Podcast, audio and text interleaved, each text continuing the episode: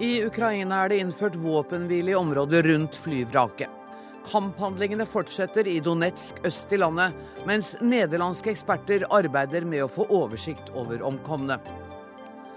FNs sikkerhetsråd krever øyeblikkelig våpenhvile i Gaza. Flere enn 500 palestinere er drept siden bakkeinvasjonen startet. I dag er det toppmøte i Qatar i et nytt forsøk på fredsforhandlinger. I Europa dør minst 25 000 mennesker i året pga. bakterier som er motstandsdyktige mot antibiotika. Nå må Norge ta trusselen på alvor, mener eksperter.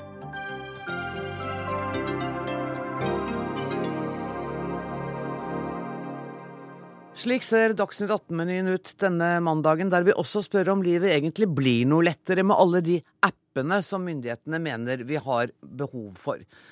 Men aller først, altså. Vi starter med flyulykken i Ukraina som har krevd 298 menneskeliv. Internasjonale observatører har nå endelig fått tilgang til vrakområdet. Samtidig pågår det kamper i Donetsk, bare 50 km unna vrakstedet. Situasjonen er uoversiktlig. For en time siden kom meldingen om at en svensk statsborger er savnet i det østlige Ukraina. Svensk politi tror han kan ha blitt bortført mot sin vilje. Og kollega Joakim Reigstad, du er i Donetsk. Hva skjer nå? Ja, her i kveld så har det blitt eh, noe roligere etter at det har vært en intens dag med både skuddsalver og eksplosjoner i sentrum av byen her. Det er de ukrainske regjeringsstyrkene som nå hevder å ha tatt kontroll over flyplassen like utenfor sentrum av Donetsk. og Det har også vært sammenstøt ved jernbanestasjonen. og Det vil også si at to av de viktigste veiene ut av Donetsk er eh, ja, usikre på hva status er eh, på de, altså når det gjelder da tog og fly.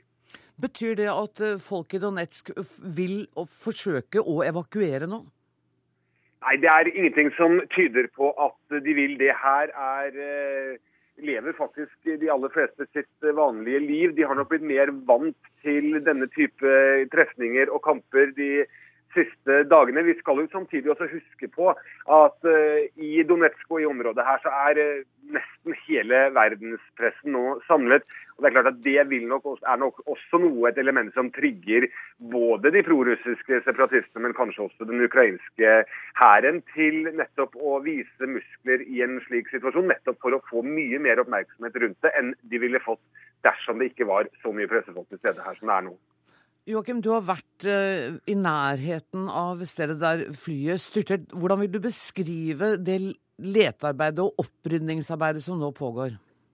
Det er, For det første er det et veldig sterkt sted å besøke. Eh, det ligger, eh, Vi var der ute i går, det skal understrekes. Da lå det flere poser inneholdende døde mennesker. Side ved side med reisehåndbøker, spillekort bagasje, barneleker eh, osv. Og så ser vi jo da at arbeidet på stedet ser så vanvittig uorganisert ut. Det er noen halvuniformerte menn som blir busset rundt.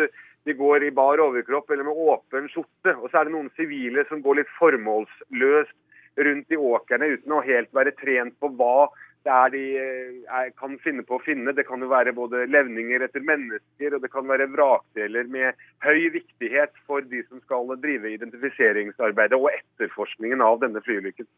Det er jo et enormt stort område uh, hvor det finnes uh, vrakrester og rester av eiendeler. Uh, du sier at det ser litt uorganisert ut, men har man en plan for hvordan man skal dekke dette området? Nei, det tror jeg nok eh, ikke man egentlig har. Det er jo derfor også at eh, OSSE-observatørene er til stede. Kanskje for å både observere, men også danne seg et bilde av hva er det som gjøres riktig, og hva er det som gjøres, eh, la oss bruke uttrykket, galt på stedet. Men selvfølgelig de nederlandske ekspertene som kom til stedet i dag, de har nok en litt annen tilnærming til dette. Nå er jo deres hovedoppgave nettopp å identifisere de mange som, som døde i, i, denne flytragedien. Eh, det arbeidet skal det nok få gjort eh, mer i fred. Nå skal toget med de aller fleste av de omkomne etter det som er planen og de meldingene vi får her, så skal det nå fraktes til Kharkiv, som er en by ikke langt unna her, hvor arbeidet vil fortsette. Tusen takk for at du var med i Dagsnytt 18, Joakim Reigstad. Som hørte, så kom altså tre nederlandske identifiseringseksperter til stedet der flyet styrtet. Per Angel, du er politioverbetjent og leder for den nasjonale ID-gruppa. Eh, vi hører her at det virker som om eh, opprydningsarbeidet og letearbeidet er uorganisert. Hva har det å si? Ja, Ikke nødvendigvis eh, ødeleggende, men det er klart at eh, denne type arbeid eh, det gjelder seg identifiseringsarbeidet og også åstedsarbeidet. Det å sikre spor på, som kan belyse hendelsen, det, det, det, krever grundighet, systematikk og nøyaktighet. Og I prinsippet så kan man si at man må knegå et sånt område og lete etter de minste deler, og herunder kroppsdeler. Hva, hvorfor er det så viktig? Nå har vi sett at det, det kan være blitt eiendeler borte borte eh, fra flyvraket, som eh, mobiltelefoner, iPader osv. Hvorfor er de så viktige som bevismateriale? Ja, det er brikker i et stort puslespill. Eh, mange ID-saker baserer seg kanskje på DNA, og det er ofte et godt hjelpemiddel. Men alle, det er ikke alle saker vi kan bruke DNA. F.eks. i adopsjonssaker og den type ting, så har man ikke noe å sammenligne med. slik at vi vet egentlig ikke hvilken brikke vi faktisk trenger. Og da et smykke med en inskripsjon, et arr, en tatovering, en verdigjenstand eh, etc. som da kan tilbakeføres kroppen, f.eks. bagasje, tannbørste, som da har en merking så kan det være et brikke som bidrar til å identifisere den kroppen eller kroppsdelen man har funnet. Du har erfaring med, med store ulykker. Hva er din erfaring med hvordan pårørende, hva slags opplysninger de ønsker om sine døde? Ja, altså Det vi vet, øh, nesten uten unntak, det er at de, i ettertid så ønsker de pårørende alle mulige detaljer. altså Alt det man, eh, Omstendighetene på funnstedet. Hvordan lå man? Hvem lå man sammen med? Hvordan så det ut? Eh, var det hva skal jeg si for noe, ille tilrett eller ikke? Vil, man vite det, vil de vite det også? Ja, Kanskje ikke med en gang, men vår erfaring er at eh, når tiden går, så grubler man på dette. Og da er det også vår jobb å gi, kunne, kunne gi dem svar på dette. Slik at dette med dokumentasjon, fotodokumentasjon, beskrivelser, håndtere det riktig på en etisk måte, merkesystem, etterrettelighet og troverdighet, det er nøkkelord her sånn. Uh, Angel, med din erfaring, uh, tror du det er håp om at alle de 298 kommer til å bli funnet og identifisert? Jeg tror det. Eh, slik jeg oppfatter ulykkesstedet her, sånn, så bør det være det absolutt mulig å finne hva skal jeg si for noe, alt som er igjen. Vår erfaring er at eh, det er alltid noe igjen som kan identifiseres. Det er veldig sjelden at vi ikke klarer å finne den lille brikken som skal til for å løse også de, si, de mest eh, skadde kroppene. Gro Holm, vår USA-korrespondent. I ettermiddag har president Obama holdt en pressekonferanse. Hva kom fram der? Ja, eh, den pressekonferansen gjaldt ikke minst eh, Gaza, og eh, hvor han, han, sier at de ønsker ikke å se flere sivile drepte. At de er bekymret først og fremst over de, alle de drepte på palestinsk side, men også over de drepte på israelsk side. Og han sier at han har gitt sin utenriksminister John Kerry beskjed om å jobbe for en umiddelbar våpenhvile, noe som israelske talsmenn i går sa at de ikke ønsket. Men nevnte han ikke Ukraina og flykatastrofen der i det hele tatt? For å være helt ærlig, så har jeg sittet på toget okay. og akkurat kommet inn, så jeg har ikke fått fulgt med på den pressekonferansen. Annet enn at jeg har lest eh, noen telegrammer i hurten og sturten her jeg sitter i drosjen. Mm. Men senere i kveld så skal Sikkerhetsrådet i FN behandle en resolusjon om situasjonen i uh, Ukraina. Og med din erfaring når det gjelder slike hastemøter i Sikkerhetsrådet, kommer det til å komme noe konkret vedtak ut der? Ja, det jobbes med en resolusjon som Australia har tatt initiativ til. Australia har jo mistet mange. Denne resolusjonen fordømmer eh, angrepet eh, og, og, krever eh, umiddelbar adgang til eh, åstedet for alle granskere. Og, og, det store spørsmålet her det er jo om Russland kommer til å legge ned veto eller vil støtte resolusjonen. Og eh, Russland skal ha fremmet sitt eget forslag i, i natt, eh, som man prøvde å få flertall for. Det ble det ikke. Og det skal gå rykter om at det er et kompromissforslag nå på bordet. Eh, fordi det er jo viktig å få med russerne på dette, ikke få noe russisk veto mot et, et, en sikkerhetsresolusjon i den situasjonen den er nå. Hvor, kan, hvor lang tid kan det ta før dette møtet er avsluttet og vi vet noe mer? Ja, Det møtet begynner klokka ni norsk tid. Oh, ja. Så det vil jo da kanskje ta et par timer. Eh, det vet vi ikke riktig. Og det hender jo også at, at det arbeidet med å få til en resolusjonstekst alle kan enes om, fortsette etter møtene. Men nå skal det altså ha vært jobbet gjennom hele den foregående natta. Eh, så man får jo håpe at det er kommet fram til et omforent forslag. USA-korrespondent Gro Holm, du blir med oss litt videre, men vi sier tusen takk til Per Angel. Dagsnytt 18 alle hverdager klokka 18. På NRK P2 og NRK2.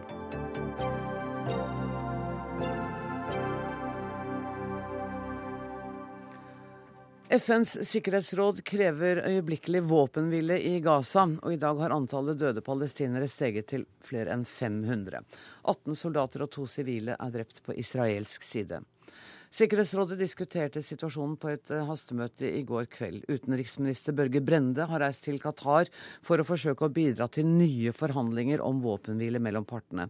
Statssekretær i Utenriksdepartementet Bård Glad Pedersen, utenriksministeren sier til NTB i dag at arbeidet er svart, svært krevende. Eh, og det skal jo ikke mye fantasi til å skjønne at det er det. Men går det an å utdype det lite grann?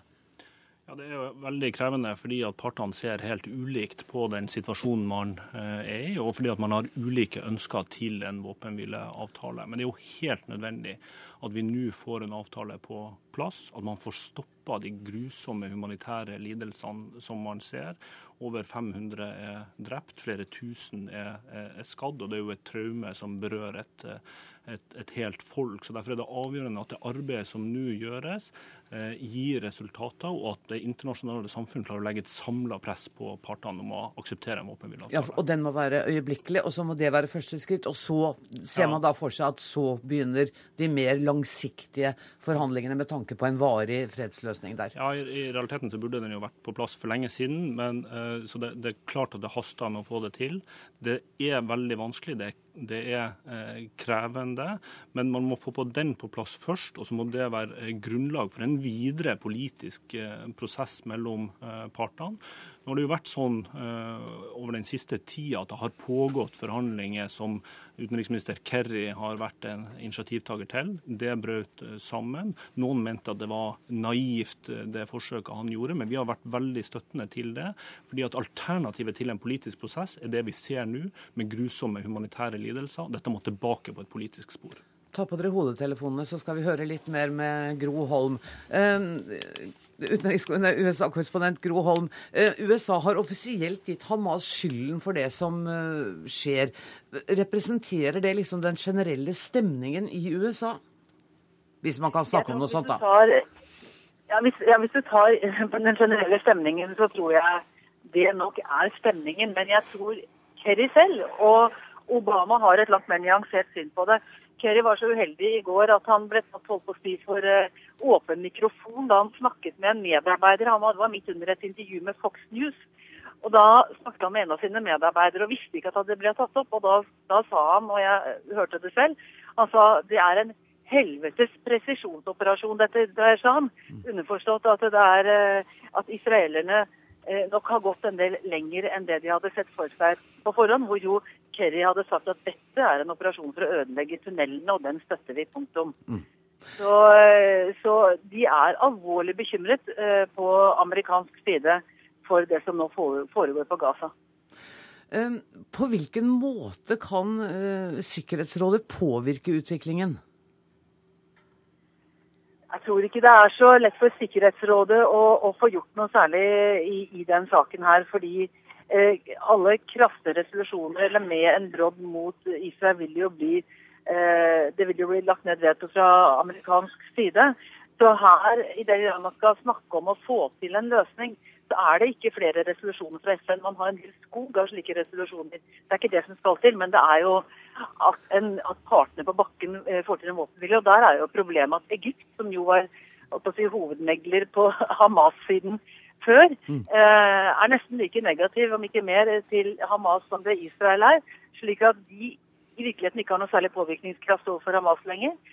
Eh, men det er andre mellommenn, og nå i første rekke da emirene Qatar, eh, som, som, bidrar som, som mellommann for USA. Og Israel snakker jo ikke direkte med Hamas, det holder de fast ved. Takk skal du ha, Gro Holm fra New York, seniorrådgiver for Midtøsten i Landinfo Are Hovnak. Våpenhvileforhandlingene har altså blitt flyttet eh, fra Egypt til Qatar, som vi hørte. Er det godt nytt for partene, eller bare for Hamas? Ja, Det tragiske situasjonen er jo at uh, diplomatiet mellom Israel og palestinerne er satt 20 år tilbake, i og med at det ikke er direkte politisk kontakt mellom Israel og den aktøren som opererer i Gaza, Hamas. Den gangen, Det var Oslo-avtalens gjennombrudd, at man fikk til direkte samtaler mellom uh, Israel og palestinernes representanter ved PLO. I dag er det Hamas israelerne ikke vil snakke med. Uh, og som vi hørte, så er Hamas også en aktør som har et svært anspent forhold til Israel Egypt, som tidligere var kanalen Israel kunne bruke.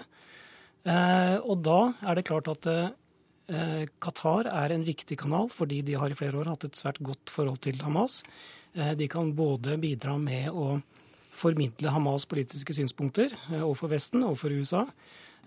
Og de kan, Qatar kan også øve press på Hamas, ikke minst fordi Qatar har Eh, bevilget store summer eh, til Hamas. De har finansiert lønninger og investert i Gaza. Så eh, Qatar kan spille en nøkkelrolle. Nå tror jeg kanskje at Israel ikke vil godta at Qatar overkjører Egypt som, som megler, men ved at det faktisk er diplomatisk aktivitet i Qatar, så kan det øve press på Egypt, slik at Egypt vil vise mer fleksibilitet overfor Hamas. Eh, og sånn sett eh, vil Qatar likevel ha en innflytelse. Men eh, Hvis jeg skjønner det rett, så både Qatar og Egypt står nå som meglere i denne konflikten. Er ikke det litt uh, byråkratisk? Nei, Det er ikke noe nytt at det er rivalisering mellom ulike eh, diplomatiske aktører som ønsker å spille en rolle i fredsprosessen i Midtøsten. Uh, og det er klart en rivalisering mellom Egypt på en side og Qatar, og også Tyrkia på den andre side, som har prøvd å komme opp med alternative forslag. Og vi så også at Egypt og Israel de første dagene under våpenhvileforhandlingene i forrige uke prøvde å holde USA utenfor. Eh, Kerry var interessert i å komme til Kairo nettopp for å bidra til en løsning, mm. og ble avvist. Det var ikke behov for han. Eh, og det gjorde kanskje at Egypt kom opp med et eh, forslag tidligere, nettopp for å vise at Egypt klarer dette her uten amerikansk hjelp. Statssekretær Bård Glad Pedersen, dette, altså du sa det var krevende for utenriksministeren, men det høres jo også relativt uoversiktlig ut? Ja, det er det. Og det er tre grunner til at Norge kan spille en rolle, og at utenriksminister Børge Brende kan gjøre det. Det ene er at Norge er leder i giverlandsgruppa AHLC, som gir oss en rolle i regionen. Det andre er at vi har eh, tillit hos eh, alle aktører. Må vi opptre sånn at vi kan beholde eh, den tilliten. Og det tredje er det som dere er inne på nå, at vi kan bidra til å samordne ulike initiativer, sånn at det ikke blir konkurrerende initiativer, men den blir en del av et samla press for å få til en løsning. Derfor har jo utenriksministeren vært i Eh, dialog med emiren Qatar. Han skal møte utenriksministeren i Egypt i morgen. Han er løpende i dialog med, med, president Abbas, som igjen er i dialog med også Hamas, sånn at dette eh, blir en eh, samla innsats. Ja, For det må være ett spor for å få slutt på de menneskelige lidelsene? Ja, men det er nødvendig at mange aktører bidrar til å få til en del til løsning. Og så må ikke det være sprikende initiativer, men bli en del av en samla prosess. For det aller viktigste her nå er å få slutt på de eh, lidelsene som folk er utsatt for. Kirurg og overlege ved Rikshospitalet, Erik Fosse. Eh, du har nettopp vært der. Du reiste hjem fra Gaza eh, rett før bakkeinvasjonen, vel. Ja. Eh, hvordan er situasjonen der, slik du vurderer det, nå jeg går ut fra at du har vært i kontakt med folk der? Ja, Når de begynner bakkeinvasjonen, så begynner de jo et annet bombemønster. Da bomber de, og det kommer inn store mengder pasienter. Det kan komme 40-70 pasienter på en gang. Eh, inn på sykehuset. og det er klart at Da bryter det meste sammen. Og, og det blir en veldig uoversiktlig situasjon. og Det er, det er egentlig helt jeg vil si en helt umenneskelig opplevelse å bare være med på det. De har 22. Eh, juli hver dag ved Skifa-sykehuset i dag etter dag. Et, et, et, eh, sykehus som har mye mindre ressurser enn noe norsk sykehus. Og nettopp pga. blokaden, som nå har vedvart i uh, syv år, så er det mangel på det meste. Så det er klart at bakgrunnen for, eller grunnlaget før bombingen er ganske ille, både når det gjelder pasientene og sykehussituasjonen.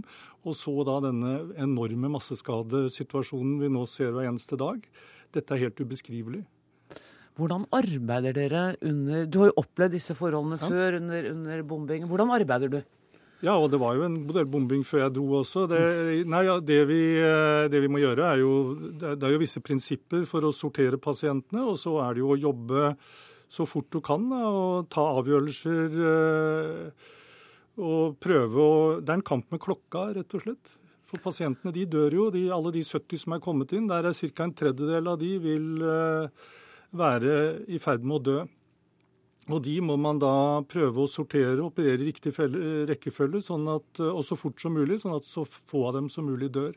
Det er utfordringen, og det er en, nesten en håpløs oppgave. Får sykehuset forsyningene de trenger av medisinsk materiell? Nei, de gjør jo ikke det. De har, eh, altså Israel har hatt en blokade nå i syv år, som sagt. Og det har vært et stort problem å få inn utstyr. Vi har eh, Det var litt derfor jeg var der, for å prøve å få inn det aller nødvendigste som står på listene deres som det, som det absolutt eh, er slutt på. Det klarte vi da å gjøre i forrige uke. Men det er klart at eh, grunnlaget Det mangler altså drivstoff til generatorene, det mangler rent vann. Det er på det nivået der. Så dette er, en, uh, dette, er en, dette er altså en menneskeskapt situasjon. Dette er ikke en naturkatastrofe. De er jo satt i denne situasjonen. Og jeg tror det er der også, når man begynner å snakke om politiske løsninger, så må man forstå bakgrunnen. Det at Kerry sier at det er Hamas som er skyld i at eh, det nå ikke blir noen våpenhvile, ja, det har sammenheng med den situasjonen Gaza-befolkningen har vært gjennom nå i de siste syv årene, hvor de ser at de blir gradvis drept. De har ingen de har Langsomt så blir de kvalt. De har ingen fremtid. Økonomien er brutt sammen. Eh, de har eh, igjen Hver husholdning har mangel på drivstoff, mangel på rent vann. De klarer ikke å, å fø opp barna sine. Vi ser at uh, flere barn begynner å få mangelsykdommer. Og dette står verdenssamfunnet og ser på, og det er jo det Hamas griper tak i. Jeg blir, jeg må si det, sterke, det som gjorde sterkest inntrykk på meg, det var den radikaliseringen av mine kollegaer ved sykehuset. Som benker seg sammen rundt TV når det går raketter mot Israel. Mm. Eh, dette er leger som tidligere var veldig forsonende og absolutt ikke noen Hamas-støttespillere. Men nå sier de vi har ingenting å tape. Det er like greit at vi dør av bomber. Det er bakgrunnen. Så hvis man vil en fredsløsning, så er det to ting som må skje. Den må, den må inneholde noe om at blokaden heves, og at man får en normal handel og kommunikasjon med Israel, mm. nei, med, mellom Israel og Gaza. Mm. Og så må, eh, må, EU og USA, og for så vidt også Israel, fjerne Hamas fra eh, terrorlisten og begynne å, forstå at det er et politisk parti. Som, det, er det største palestinske partiet. Og, og, man må diskutere med dem eh, for en politisk løsning, og ikke, ikke som terrorister. For hvis du stempler noen som terrorist, så fratar du dem alle andre virkemidler enn vold. Og Hamas er mer enn villig til å diskutere. FNs spesialutsending til Libanon, Terje Rød Larsen. Jeg vet ikke om du er på telefon med oss, jeg vet ikke om du hørte hva Erik Fosse fortalte her om det han opplevde som radikalisering av bl.a. sine kolleger i Gaza. Og det er vel ikke overraskende at denne type militæraksjoner og politisk kamp fører til nettopp radikalisering? Ja, jeg er ikke så sikker på om det er riktig. Det var en meningsmåling. Mm i Gaza like før krigen som viser at befolkningen har snudd seg mot Hamas. Eh, hvor faktisk denne meningsmålen som gjennomført av palestinere, viste at 88% av befolkningen i Gaza vil heller ha Mahmoud Abbas som deres leder enn Hamas-ledelsen. Dette henger også sammen med at Hamas som regime eh, er blitt beskyldt av Human Rights Watch og andre for krigsforbrytelser, for tortur, summariske henrettelser av palestinere, lovløshet eh, osv. Eh, vår sympati går til befolkningen i Gaza, men man må skille mellom regime og befolkningen. Kan jeg kommentere det? Ja, fordi eh, det er helt klart at når palestinere stemmer eh, på partier, så er det jo en lang rekke saker som betyr noe. Og det er jo den manglende demokratiet. Det er, det er, en, rekke, det er en rekke ting. Men når det gjelder holdningen mot Israel, som da eh, så er det helt klart at befolkningen blir radikalisert. Men at de er skuffet over Hamas som leder. Hamas har jo ikke fått til noen positiv utvikling i Gaza etter syv år. Så, så, det kan godt være, men det betyr ikke at uh, befolkningen heller uh, tror på en politisk uh, løsning med Israel. Det tror jeg ikke.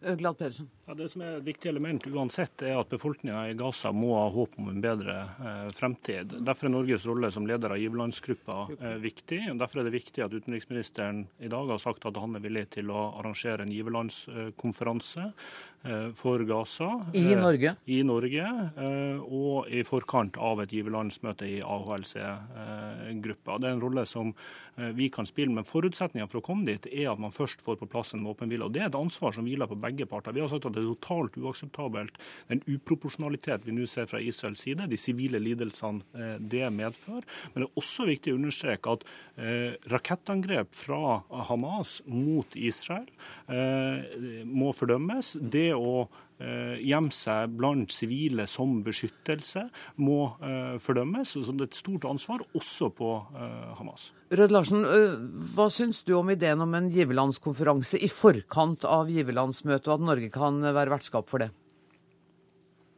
Det tror jeg er en veldig god idé, men det forutsetter jo at det er en våpenhvile. Ja. Og sannsynligheten for en våpenhvile i umiddelbar fremtid er ikke spesielt stor. Dette speiles også i de interne konfliktene som man har i regionen, hvor det nå har vært samtaler i Qatar, hvor mange vil si at Qatar, i allianse med, med Tyrkia, har vært støttespillere for Hamas, i rak motsetning til Egypt og en del andre Gulfland, som jo gjennom Den arabiske liga har bedt Hamas om å gå til en våpenhvile bare for dager siden, noe Hamas ikke gjorde. Så her er det, det er motsetninger i den arabiske verden, så det er lite trolig at det er mulig å lage en avtale i Qatar. Det må sannsynligvis gjøres i, i Egypt. Og her, for Jeg tror heller ikke at Israel vil akseptere å gjøre en avtale i Qatar. Det må gjøres i, i, i Kairo. Men med utgangspunkt i at 13 israelske soldater nylig ble drept i kampene. Og når man kjenner det israelske etos, så er sannsynligheten for at Israel vil gå til bordet nå, den er ikke spesielt stor. Men sjansen var der for ikke så veldig mange dager siden, hvor Israel aksepterte en, en våpenhvile. Så dessverre, det er trist å måtte si det, jeg tror ikke at sannsynligheten for en våpenhvile i den aller nærmeste fremtid er spesielt stor. Og det gjør at lidelsene for det palestinske folk vil fortsette. Hovdenak, er du enig i den Are Hovdenak, er du enig i den analysen til Røde Larsen? Jeg tror det er klart at ingen av sidene, verken Israel eller Hamas, ønsker å være i den situasjonen de er i nå med denne bakkekrigen. Israel ønsker det ikke fordi de nå lider militære tap. De mistet 13 soldater i går, det, eller på lørdag, og det er det høyeste tap, antall tap på én dag siden Libanon i 2006. Israelske offiserer stiller til intervjuer i dag og forteller om at de er overrasket over den militære motstanden som Hamas har vist. De har gått inn i ett tettbefolket område, Sharia, og har møtt uventet stor motstand. De andre stedene er det ikke De har ennå ikke gått inn i de, de store byene på Vestbredden, nei, på, i Gaza. Og hvis de utvider og går inn i flere områder, så må de forvente tilsvarende motstand og tilsvarende tap. Hamas også. De, de ønsker å komme seg ut av denne situasjonen, antageligvis. Men de ønsker å gjøre det med æren i behold. Og så langt så har de vist at de klarer å stå imot et israelsk angrep. De fortsetter å skyte raketter inn i Israel, og de gjør altså motstand på bakken i Gaza, som de ikke klarte, eller i hvert fall som de ikke ytte for få år siden. Så hvis kampene opphører nå, og det blir våpenhvile, så kan de uansett vise til at de faktisk klarte å stå opp. Så Sånn sett så er det elementer på begge sider som gjør at de kan være interessert i våpenhvile. Mm, men det er ingenting nå i dag som tyder på det. Jeg må sette Jeg kan bare spørre Erik Fosse til slutt. Er du klar for å reise ned igjen, eller har du fått nok av, av lidelsene på Gaza? Det er veldig vanskelig å sitte i Norge nå når jeg ser hva som skjer i Gaza. Jeg skulle gjerne vært der nå. De trenger meg nå. Tusen takk for at dere var med i Dagsnytt 18. Bård Glad Pedersen, Terje Rød Larsen, Are Hovdenak og Erik Fosse.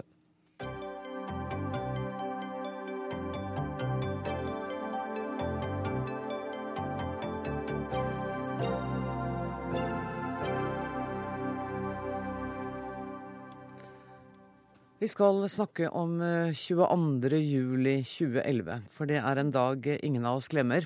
Og i morgen er det tre år siden. Velkommen i studio, statsminister Erna Solberg. Takk skal du ha. Før vi snakker om terrordagen for tre år siden, så du har jo sittet her ute og hørt sendingen. Det er dramatiske situasjoner i både Ukraina og i Gaza med store lidelser. Det er dramatiske bilder som kommer ut fra Gaza nå. Det er jo lidelse. og det var en det var også en grunn til at regjeringen advarte mot en bakkeoperasjon. For det, det er så vanskelig der å skille mellom de sivile, de militære målene i et så tett befolket område som det er. Og det er jo bare én ting vi kan gjøre, det er å håpe at de bestrebelsene det er på å skape en våpenhvile, faktisk lar seg gjennomføre, selv om det ser ut som det er ganske vanskelig. Mm. Det er, som Borgla Pedersen sa, det er en krevende jobb for alle de som er med, inkludert uh, vår utenriksminister. Absolutt. Og, og, det er en krevende situasjon for, uh, for verden å se på. Mm. men det er partene som også må ville. Du kan ikke skape den typen løsninger bare utenfra. Det må villes innenfra òg. Og så til 22. juli-markeringen i morgen. Hva slags dag blir dette, tror du? Jeg, eh, det blir jo en dag som minner oss om kanskje den verste dagen i fredstid i Norge. Eh, ja, etter krigen. Og det er en dag som jeg tror eh, veldig mange kommer til å ha ja, vonde følelser med. Ikke bare de, altså Selvfølgelig mest av alt de som er pårørende. De som selv overlevde. Eh, både i regjeringskvartalet og på Utøya. Men jeg tror også for oss er det fortsatt et nasjonalt ganske åpent sår. Eh, det er, vi har døyvet det med mange politiske debatter om andre ting etterpå. Men det er klart vi sitter igjen med det faktum at eh, så mange mennesker døde. Og at vi var utsatt for det som var den største terrorhandlingen vi har sett i, i, i Norge mm. i fredstid. Hvordan fikk du vite om det som skjedde den dagen? Det var litt, eh, ja, det var litt spesielt, fordi at eh, jeg malte stuen min i Bergen. Og var på vei til å kjøre til Oslo. Og så ringte NRK Trøndelag og skulle intervjue meg om den første debatten i kommunevalgkampen som da var annonsert skulle skje mellom meg og Jens Stoltenberg i Trondheim. Og de ringte da for å ta opp et forhåndsintervju om den. Og mens, eh, mens jeg snakket med journalisten, sier han det har gått en eksplosjon i Oslo. Så gjorde vi ferdig intervjuet, da, men det kom jo alle på luften. Det, fordi da begynte jo nyhetssendingen å komme med de sterke bildene som kom derfra. Og du husker like godt som meg at det som var budskapet, var mm. at vi skal ha mer åpenhet, mer demokrati. Ja. Gå, jeg, jeg, mener jo ikke at vi skulle være kommet i mål på det, men, men mm. går Norge i riktig retning, syns du?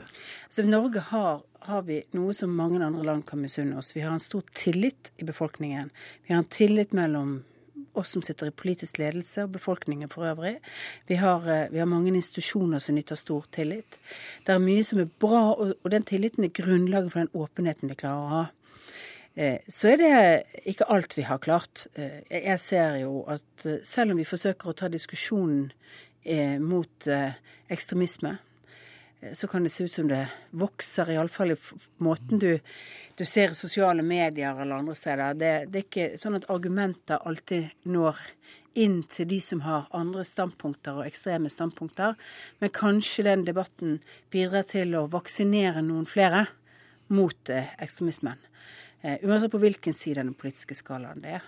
Men det er jo, som jeg har sagt i et annet intervju før dette, at det er litt som å slåss mot vindmøller. Du føler at hvis du begynner en diskusjon med noen, mm. ja, så sitter du ja, fast i den. Mm. Fordi at uh, argumenter og logikk ikke nødvendigvis ja, slår igjennom. Nei. Men mitt håp er jo at vi klarer å nå barn og ungdom på en måte som gjør at de lærer seg empati.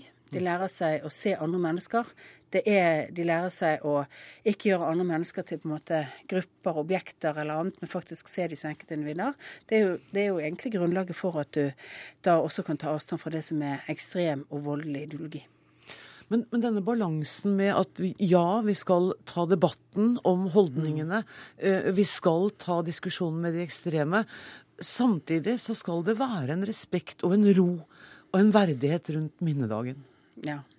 Og minnedagen er kanskje ikke den dagen man tar den store Nettopp. debatten om de sakene. Eh, da er det kanskje den dagen vi først og fremst skal minnes eh, de som ikke er med oss lenger. Alle de som ikke fikk den fremtiden de skulle hatt, både i norsk politikk, men også i det vanlige arbeidslivet. Eh, og det er kanskje den tiden hvor også de pårørende må føle at de får plass. Til sin sorg, til sine minnestunder, til, til at vi minnes på en måte at eh, det er ikke bare politiske diskusjoner, det er også noen, særlig mange ungdommer. Men også mange som ble berørt. altså Man, glemmer, man skal ikke glemme at det er ganske mange i de som jobbet i regjeringskvartalet, mm. som uh, var utsatt for en, en, en, en eksplosjon og en, bombe som både berørte de direkte og mange av kollegaene. Det, det har nok vært en følelse av utrygghet eh, som har vært sterkere enn det jeg tror eh, vi kanskje har tenkt utenom, fordi vi har konsentrert oss så mange om, om de andre pårørende. Og så har det kommet veldig mange meldinger fra folk om at det hjelpearbeidet som skulle være der for å gi mm. støtte, er blitt borte i løpet av disse tre årene, og at det er mange mennesker ikke mestrer livene mm. sine som de hadde håpet. Hva gjør dere med det? Det er jo sånn at det hender ofte at det er personer som eh, flytter på seg, særlig ungdom flytter på seg, kommer til et annet sted, mister litt av det hjelpeapparatet de har hatt. Eh, vi har i, snakket med dette med pårørendegruppen. Derfor så kom det også eh, er det sendt ut et brev fra Bent Høie og Jan Tore Sanner, altså helseministeren og kommunalministeren, til alle landets kommuner med en gjennomgang av eh, både hva som eksisterer av hjelpetilbud, økende forventninger det til kommunene, behovet for å, å eh, fange opp Eh, og særlig det at en del ungdom beveger seg på andre studiesteder enn det den kommunen de opprinnelig kom fra, gjør jo også at det kan være vanskelig å nå ut til de. Det er veldig viktig å si at man, man må også be om hjelp selv. Mm. Eh, og så kommer det ofte ettervirkninger. Så det er ikke noen tidsfrist? Det er ikke noen dato man kan si at det er slutt? Og så mener jeg at det hjelpeapparatet vi har gjort for 22.07, er jo det hjelpeapparatet vi også bør ha for alle andre etter hvert, som utlever, opplever store personlige traumer. Dette dreier seg om å jobbe med psykisk helse på lang sikt i vårt samfunn. Det, er også noen som kommer med og sier at de andre har fått så mye bedre hjelp, jeg har ikke fått det. Men, men den gode hjelpen bør alle få i Norge, og det er det vi forsøker å jobbe med. Um det har også vært rettet kritikk mot uh, sentrale etater som politi, manglende samarbeid mellom politi mm. og forsvar. Uh, dette her har jo dere nå jobbet med i de siste åtte månedene. Hva, hva, hva, er veien videre der? For det første har jo vi en lang liste over ting som skal gjennomføres, som et bredt flertall på Stortinget var enige om, som en konsekvens av både den særlige, eh, særlige utvalget på Stortinget og, og Gjørv-kommisjonen. Og Det er masse som skal gjøres på utstyr, på IKT, på bedre trente folk, og mye er gjort, og det fortsettes med å gjøre det. Så jobbes det mye med det som kanskje Gjørv-kommisjonen hadde som sin hovedpåpekning, eh, og det var ledelses... Eh, utfordringene. Etatene som ikke Etatene fant hverandre. Etatene som ikke fant hverandre. Mm. Samarbeide over etatsgrenser. Ikke å definere vekk et ansvar, men faktisk ta det ansvaret og fylle det. Og det er jo en mye vanskeligere sak å gjøre. En av de tingene regjeringen har gjort, er å si at tilsynsrapportene som vi får, de føres jo tilsyns med alle, de skal fra nå av være åpne. Det betyr jo at vi Fikk bl.a. noen stygge oppslag om, eh, på enkelte av disse tilsynsrapportene når de først, for første gang var åpne. Men det er jo en av de måtene jeg tror man også får gjort endringer på. Fordi at når eh, rapportene er åpne, når det blir diskusjon, så føler man også nok sterkere behovet for å gjøre de endringene som er satt der. Det står sterkere på dagsordenen internt i ledelseskulturen i departementer og etater at neste gang så må vi faktisk ha møtt de innsigelser og de påpekninger som tilsynsorganene har sagt at vi ikke er gode nok på nå. Mer åpenhet? Ja, mer, mer åpenhet også om, om, eh, om, hvordan det offentlige fungerer. Eh, statsminister, kan jeg bare spørre deg hvordan dagen din er planlagt i morgen?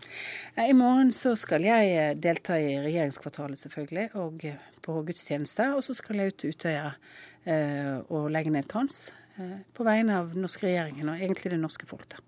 Få lov å ønske deg en verdig og fin minnedag. Takk skal du ha for at du kom.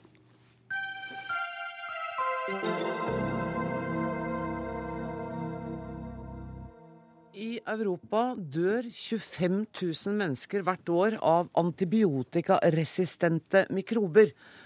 Får vi problemer med denne type mikrober i Norge, kan det i verste fall bety at eh, noen av oss kommer til å dø av helt vanlige infeksjoner. Morten Lindbekk, du er leder for Antibiotikasenteret for primærmedisin. Til Dagens Næringsliv sier du at disse mikrobene kan komme til å snu opp ned på moderne medisin slik vi kjenner den. Hvordan da? Det er fordi at øh, øh, vi sier at all moderne medisin baserer seg på å ha virksom antibiotika. Og det er f.eks. at hvis folk får satt inn en hofteleddsprotese, så, vil, eh, så er det nå noen som har risiko for å få en infeksjon. Eh, og da vet vi at da har vi antibiotika som da kan ta hånd om den infeksjonen. Hvis vi ikke har det, så vil risikoen for å få da en alvorlig og kanskje dødelig infeksjon etter et slik inngrep, det er, er det absolutt til stede. Tilsvarende så er det også f.eks. all moderne kreftbehandling eh, går jo bl.a. ut på å gi strålebehandling og cellegift. og Da blir jo immunforsvaret til disse pasientene svært svekket. Og de er da veldig sårbare for infeksjoner. Og Da er nettopp igjen dette med å ha uh, antibiotika tilgjengelig som virker, det er da helt avgjørende. Hvor alvorlig er situasjonen i Norge nå? Vi har ikke hørt om dette før jeg leste Dagens Næringsliv i helgene. Det er kanskje bare min feil? Altså, det har jo vært en, eh, en, gående diskusjon, og dette har vært på den politiske dagsordenen i EU. Så har det jo vært eh, prioritet nummer én på helsepolitikken i nå flere formannskap. Og senest nå så har Nordisk råd også reist diskusjonen på at dette må da høyere opp på agendaen. Eh, eh, situasjonen i Norge er ikke veldig alvorlig, men vi ser samtidig helt klare uh, utviklingstrekk. Bl.a. det som heter MRSA, altså den, en gul stafylokokken hudinfeksjon som før var relativt grei å behandle, er nå blitt vanskeligere å behandle. Og Der er det også en veldig klar sammenheng med f.eks. svineproduksjon, hvor, da, hvor dette er et problem både i veterinærmedisin og i menneskemedisin. Fortsett eh, å være med oss, Lindbekk, for jeg skal snakke med Ingrid Smith, som er overlege ved Nasjonal kompetansetjeneste for antibiotikabruk i spesialisthelsetjenesten Helse Bergen. Kan det virkelig bli slutt, som vi hører her, på protesekirurgi og på en spesiell type kreftbehandling hvis vi ikke får bukt med disse mikrobene? Ja, det er helt riktig som Lindbekk her sier. Man ser jo allerede konturene av det i mange land eh, ikke så langt fra oss, også her i Europa. At de må stenge ned eh, operasjonsenheter med, hvor de gjør transplantasjoner, og nyfødtavdelinger må stenge fordi at barna dør ikke av sykdommene de har primært, men de dør av bakterielle infeksjoner som de får, som de ikke kan behandle. Så det er kanskje noe i dette munnhellet om at uh, hvis du er på sykehus, så kom deg ut så fort som mulig, for er, da har du bedre sjanse for å bli frisk? Ja, altså Det å få en resistent bakterie er uh, helt uh, i sammenheng med hvor lenge du ligger på sykehus. Den, den øker med hvor lenge du ligger på sykehus. Hva er det som gjør disse bakteriene resistente? Nei, det, er, det sitter i genmaterialet til bakterier. Og når de utsettes for antibiotikapress, så gjør de sånn som deg og meg. Hvis vi blir, blir angrepet, så forsvarer vi oss. Det gjør bakteriene også. Og hvis de blir utsatt for stort press, så, så forsvarer de seg med sterkere og sterkere midler. Lindbekk, er det sånn at fastlegene da har et ansvar, også de, for å forsøke å redusere mitt og pasienters antibiotikabruk? Ja, absolutt. Fordi vi vet for det første at det er en klar sammenheng på nasjonalt nivå mellom hvor mye antibiotikabruk man har, og hvor stor grad av resistens du utvikler. Det er veldig, flere, veldig mange ganger dokumentert. Og det er helt klart at 90 eh, av alle antibiotika forskrives av fastleger og eh, andre leger utenfor sykehus, på legevakt, sykehjem etc. Men samtidig så er det sånn at jeg, når jeg har ørebetennelse, eh, så vil jeg gjerne få hjelp for meg. Jeg kan ikke påta meg en solidaritet med hele Europas befolkning, liksom. Nei, ikke der og da, men, det, men hele poenget der er at f.eks. ørebetennelser og mange av de, av de vanlige luftveisinfeksjonene ofte går like fort over uten antibiotika. Men det er en usikker situasjon som kan være vanskelig å bedømme for fastleger. Men vi mener at vi kan redusere antibiotika betydelig. Vi kan f.eks. hvis vi fikk redusert vårt forbruk med ca. 30% da ville vi være ned på Hollands nivå. Og tyder, Alt tyder på at i Holland så blir folk, blir folk, like fort friske som de gjør i Norge. Så vi har mye å, å redusere på når det gjelder antibiotikabruk, særlig kanskje for luftveisinfeksjoner, de vanlige tingene som du nevner. Men også på urinveisinfeksjoner kan vi sannsynligvis uh, uh, redusere forbruket, eller ofte bare, kanskje bare vente og se noen dager, og se om ikke dette her går greit uten antibiotika. Hvis jeg kan komme med en kommentar? Vær så god, Ingrid Smith. Eh, vi ser akkurat det samme i sykehuset. Altså, man har noe som heter NORM-rapporten i Norge, som følger antibiotikaresistente bakterier i, i, mikrobiologiske laboratorier. Og Der ser man at det har vært en viss økning, men forbruket av de mest resistentdrivende antibiotikaene har økt, økt mye, mye mer enn resistensutviklingen skulle tilsi. Altså vil si at vi bruker da for brede antibiotika for å behandle da smalere infeksjoner. Og vi har jo fått nye nasjonale faglige retningslinjer i Norge, både for primærmedisin og for sykehusene. Mm. Og der er det jo et ønske om at legene skal bruke antibiotika riktigere.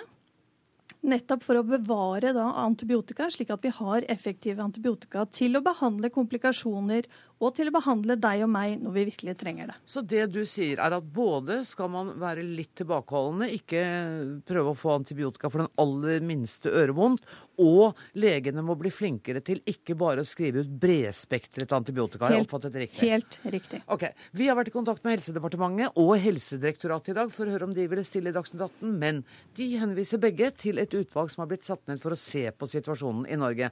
Martin Steinbach, overlege på Folkehelseinstituttet, du er leder for for dette utvalget. Deler du dine kollegers bekymring her? Ja, absolutt. Det er bekymringsfullt med at Men hvorfor skjer det ikke noe da? Nå har jeg tre eksperter i dette studio, og dere sier at dere har visst om dette lenge. I årevis, faktisk. Og det er ja. ingenting som tyder på at det skjer noe i Norge? Jo da. Oh, ja. okay. det, det, det, skjer noe i Norge. Som Ingrid Smith har vært inne på, så har vi en veldig god oversikt gjennom normaksen, hvor vi ser på resistens hos de sykdomsfremkallende mikrobene hos pasienter, men hvor det også er et overvåkningssystem for eh, antibiotikaresistens hos dyr og i enkelte matvarer. Ja, Du sier at du har oversikt, som... men det hun sier, er at vi må redusere bruken med 30 ja. Det er en av de tingene som også Folkehelseinstituttet nå har tatt tak på, hvor vi har laget et utkast til en plan for å redusere antall forskrivninger, særlig rettet mot luftveisinfeksjoner, hvor godt og vel halvparten av de eh, antibiotika som forskrives der, er til virusinfeksjoner hvor antibiotika ikke virker. Så neste bronkitt jeg får, den skal jeg ikke få antibiotika for? Den er en virussykdom, så den skal du ikke, ikke få antibiotika okay. for. Så vi håper jo da at vi eh, innen et år eller to skal se en 20 reduksjon i antall forskrevne resepter til befolkningen som følge av de målene vi setter. Er fastlegene for slappe eller for lite, har for lite kunnskap? Ja, det er jo litt vanskelig å si. For det er jo ikke veldig enkelt alltid å vite hvor syk en pasient er. Har, vi har noen mål på å se om en pasient har en bakteriell eller en viral infeksjon. Mm. Og finner man ut at det sannsynligvis ikke er en bakteriell infeksjon, så skal man ikke gi antibiotikum eller vente og se, slik som Lindbekk eh, fremmer dette med vente og se-resepter. Eh, og så er det jo klart at enkelte i befolkningen tror at antibiotika er løsningen på det meste. Men dessverre så er det også et problemskaper. Mm. Altså, Én ting er godt voksne folk, som meg og deg. Men det må jo være enda farligere hvis vi fortsetter å gi antibiotika til barn?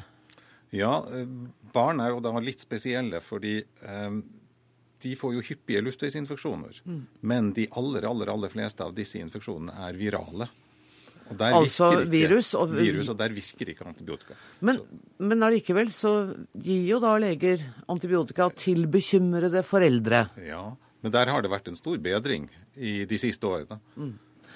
Lindbekk, er dette noe du foredrar for dine kolleger også? Ja da, dette, er, dette holder vi kurs om, og eh, vi, eh, vi underviser på medisinstudiet. Og vi er i ferd også med å utvikle et program faktisk på skolen som heter eBug som er et europeisk program som da også skal eh, vi ønsker å sende ut til skolen som en del av biologi- og naturfagundervisningen, som nettopp skal både ta opp dette med hygiene, men også dette her med faren for antibiotikaresistens. Hvor dette er en del av programmet. Så Det er noe vi jobber med å sende ut til norske skoler i løpet av de neste årene, hvis vi får støtte til det. Ellers så vil jeg si at det, Noe av det viktigste er at de politiske myndighetene tar dette her på alvor og er, og er villige til å bevilge det som trengs av midler, både til forskning, men også til fagutvikling, og nettopp få fram dette perspektivet på moderne medisin, som jo alle er enige om er et, et av de viktigste godene vi har, altså det, vår moderne medisin. Og det er Steinbach helt enig i. Ja, men så Et av problemene vi er jo at vi er jo ikke en isolert øy. Så de tiltakene vi gjør i Norge, hvor vi har et forholdsvis moderat forbruk av antibiotika, som er redusert fra 2012 til 2013, der en viss nedgang i, i forbruket, viser de siste tallene, så er det også slik at vi har et begrenset forbruk til dyr i Norge. Og vi bruker nesten ikke antibiotika til fiskeoppdrett. Mens i andre land er det et kjempeforbruk av antibiotika til dyr hvor de dels får dette som et fòrtilsetningsmiddel for at dyrene skal vokse raskere, og noen får det som en forebygging mot infeksjonssykdommer som har en tendens til å oppstå i store flokker. Og Der jobber man jo intenst internasjonalt for å redusere forbruket. Og Lindberg nevnte Holland, som også på på dyrehelsesiden har vært en, et foregangsland og har redusert sitt forbruk, som var over ti ganger større enn det norske forbruk, for å få produsert et kilo kjøtt, med 57% nå siden 2009. Der må vi sette strek i denne omgang, og så får dere fortsette å arbeide for å få politikernes eh, oppmerksomhet. Tusen takk til Morten Lindbekk, Ingrid Smith og Martin Steinbakk. Hør Dagsnytt 18 når du vil. Radio NRK NRK.no. Offentlig sektor bruker millioner av kroner på det vi kaller apper, som få av oss bruker. Det er et utslag av, av app-sjuka, sier redaktør Aslak Borgersrud. Du er redaktør i Computerworld. Ehm, forklar den diagnosen litt mer, da.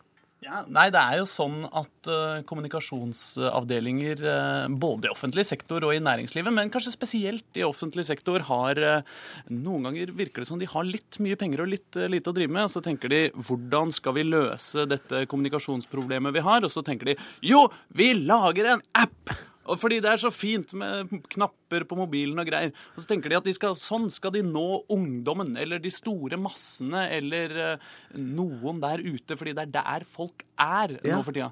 Er ikke det sant, da? Nei! Det er veldig, veldig feil. Du skjønner, de appene de, de uh, forblir i en mørk hule et sted dypt inne i fjellet hvor ingen greier å finne dem, som heter helt nederst på topplisten i AppStore. det, det er nemlig dit det, det som ikke egentlig er interessant, havner. Det som ikke grunnleggende sett er spennende av mobilapper. Ikke sant? Det vi vil ha, er jo selvfølgelig spill eller gøyale Banken min syns jeg er greit. Ting som vi bruker hver dag. Tids, ting som eh, mobilen er veldig godt egna for mm. eh, å ha som en egen app. Der er vi kjempeglade i apper. ikke sant? Ting som er veldig interaktive og sånn. Ja. Men for offentlige informasjonstjenester er det veldig, veldig sjelden nytt nyttig med app. Tvert imot så er det en kjempeteknologi som, som man skulle tro var lagd nettopp for den slags, som heter web. og, og, og, hvis Og den fungerer alle, fortsatt godt. Den fungerer utrolig godt, og du kan finne den på Google, og du kan bruke det til alt mulig, og du kan ta den opp på en hvilket som helst til dings, og den har en masse fordeler. Men isteden så kaster altså offentlig sektor penger ut av vinduet på apper. Men Kan ikke du gi meg et eksempel på en app som du syns er veldig misbruk av penger? Eh, altså Oljedepartementet eh, har f.eks. en app som, som, det heter Oil Facts, eh, som de har brukt store penger på å utvikle. Den ser mistenkelig veldesigna ut. Og den, den, består da altså om fakta om, om, norsk oljeproduksjon. Så der kan du altså gå inn altså Hvis du er i morgen f.eks. lurer på hvor mange oljeplattformer vi har i Statfjordfeltet, ikke ja, sant? Så, så, kan jeg finne det der. Så kan du finne det i AppStore, og så laste ned en app om det, og så, og så søke opp den informasjonen i appen. Istedenfor å bare gå og søke på det på Google og finne det der. ikke sant? Det, det er perfekt for folk som, som, ikke har hørt om hvordan internett fungerer. Og så er det en egen app som skal hindre tvangsekteskap og arrangerte ekteskap? Ja, det er nå forrige måneds uh, nye app og, og, dette er jo selvfølgelig et veldig alvorlig tema, så liksom, jeg har ikke noe lyst til å harselere med det. Men, men uh, denne appen, som da skal uh, lastes ned av unge folk i, i faresonen for tvangsekteskap, uh, består altså av telefonnummeret til politiet, sånn i all hovedsak, og så litt informasjon om at det ikke er lov med tvangsekteskap, og så en tvangsekteskapsquiz. Og jeg tror at for folk som faktisk helt reelt er i faresonen for å bli utsatt for tvangsekteskap. Så vil, altså, det å laste ned en app som du skal ha liggende på telefonen din og lyse opp til alle at uh, hei, Nei, det, det er en, en, veldig, veldig dårlig idé. Og bortkasta penger. Jardar Jensen, statssekretær Kommunal- og moderniseringsdepartementet. Dette høres jo unektelig litt pussig ut. Jeg skal ikke benekte at eh, den diagnosen på dette som man kaller eh, app-psyken, eh, treffer oss litt. Og derfor har jo også... Jeg har en politiker i studio som faktisk innrømmer feil her. Ja, altså Vi erkjenner jo det at det er de grepene som er gjort tidligere. Å oh, ja. Det den forrige regjeringa? Ja, altså Noe av den, den, siste appen som vi snakket om, den har vel kommet under vår regjering, tror jeg. Så det skal vi ikke snakke oss bort ifra. Men vi, i hvert fall, vi har satt nå at i og med at KMD har fått en, en koordineringsrolle når det gjelder IKT-tjenester for statsforvaltningen, så har vi satt ned en gruppe som skal jobbe litt med dette for å erkjenne at kanskje vi kan være mer målrettet å bruke weben for å gi den informasjonen som folk søker etter. Ja, for det er jo et poeng at appene det er noe du kan bruke og kommunisere over noe som skjer. Jeg bruker jo ikke en app for å lese opp på fakta. Og, og derfor, hva koster dette her egentlig? Nei, Det koster ganske mye penger, de enkelte appene. og derfor... Kan du være litt mer konkret? Nei, Jeg kjenner ikke summene til eh, hvilke, hvilke, kostnader som ligger bak de enkelte appene, men jeg har nå lest eh, litt på burde du ikke, Unnskyld meg, burde ikke departementet kjenne summene som brukes av det offentlige budsjett til apper? Ja, nå har KMD et samordningsansvar, Nettopp. men KMD har ikke laget en eneste app. Nei, men, men dere sitter med samordningsansvaret. Ja, det er klart at, men det jeg har sett at det koster hundretusener av kroner, og opp mot en million har jeg sett at dette her har kostet. Og jeg tror vi kan bruke de pengene mer fornuftig. Derfor har vi også sagt oss ned for å gjøre det. Og det kan hende at vi finner noen områder hvor man skal være interaktiv, hvor det kan være nyttig og riktig med en app. Mm. Men jeg tror nok vi har mer igjen for å utvikle våre websider på en bedre måte. Ja, og det finnes jo apper også. Altinn Borgersrud er jo en sånn app. En, en, en, unnskyld, hvordan? Altinn. Ja, eh, det, jeg, det, jeg, kjenner den ikke. Og du kjenner ikke den, nei, nei. Nei, jeg prøver å ha minst mulig Nei da. Uh, nei, men altså, det finnes jo gode apper, uh, særlig kanskje i utkanten av, av, offentlig sektor. Altså NRK har lagd Yr, f.eks., som, ja. som er en, en, en, kjempefin app. Og, og det finnes flere eksempler på, på, fornuftige måter å bruke app-teknologi på. Altså virkelig. Men, men, men den grunnleggende Eh, problemet her har vært at det har vært den første tanken til veldig mange. ikke sant? Og så har de tenkt liksom ja, det er en løsning på et eller annet problem. uh, men, uh, eller på liksom alle problemer. Og det tror jeg er veldig, veldig dumt. Jeg tror at man, må, man må tenke alvorlig på hva er det eh, faktiske mennesker har bruk for. Hvordan skal vi kommunisere denne eh, informasjonen best mulig? Og begynne der. Fordi at Jeg er jo også redd for da, at hvis det er sånn at departementet har skjønt at apper kanskje ikke er den magiske trylleformelen på alt som er, eh, som er dumt her i verden, som kan løse alt, så, så er jeg jo litt redd for at de bare finner noe annet. Altså, Hva blir neste? Og det tror jeg er veldig dumt. da. Om vi skal hvert år, ikke sant, Så er det den interaktive brosjyra, eller så er det liksom en kampanjelåt. Ja, ok, Nå liker jeg litt kampanjelåter, for jeg koster penger på musikere. Ja. Men, men, ikke sant, jeg er redd for at det kommer nye og, og, dumme ting. Mens i virkeligheten så er på en måte weben og, og, effektiv kommunikasjon som alle kan lese, og som er plattformuavhengig, yes, det er det vi vil ha. Ja, Jardar Jensen vil heller ikke ha flere dumme ting. Nei, det er helt klart. Men det er også, vår målsetting er at vi ønsker å gjøre livet enklere for folk flest. Og da leter vi jo etter de beste måtene å gjøre det på. Så det kan hende at weben er den beste løsningen for de fleste. Men så kan det også være at noen saker er eh, appen det vi, det vi trenger. Men det skal vi jobbe hardt med, og så skal vi finne de gode løsningene, slik at vi når regjeringens mål med å gjøre hverdagen enklere for folk flest. Og så skal dere skaffe dere en oversikt over hva dette her har kosta. Ehm, jeg har en oversikt over hvor fort tida går. Den går altfor fort. Jeg må si takk til dere, Aslak Borgersrud og Jardar Jensen. Dagsnytt 18 denne mandagen er slutt. Jeg skal bare helt avslutningsvis nevne at det var Ingebjørg Sæbu som var ansvarlig i dag. Det tekniske ansvaret det har Karl Johan Rimstad. Jeg heter Anne Grosvold, og vi håper å høres igjen i morgen. Takk for nå.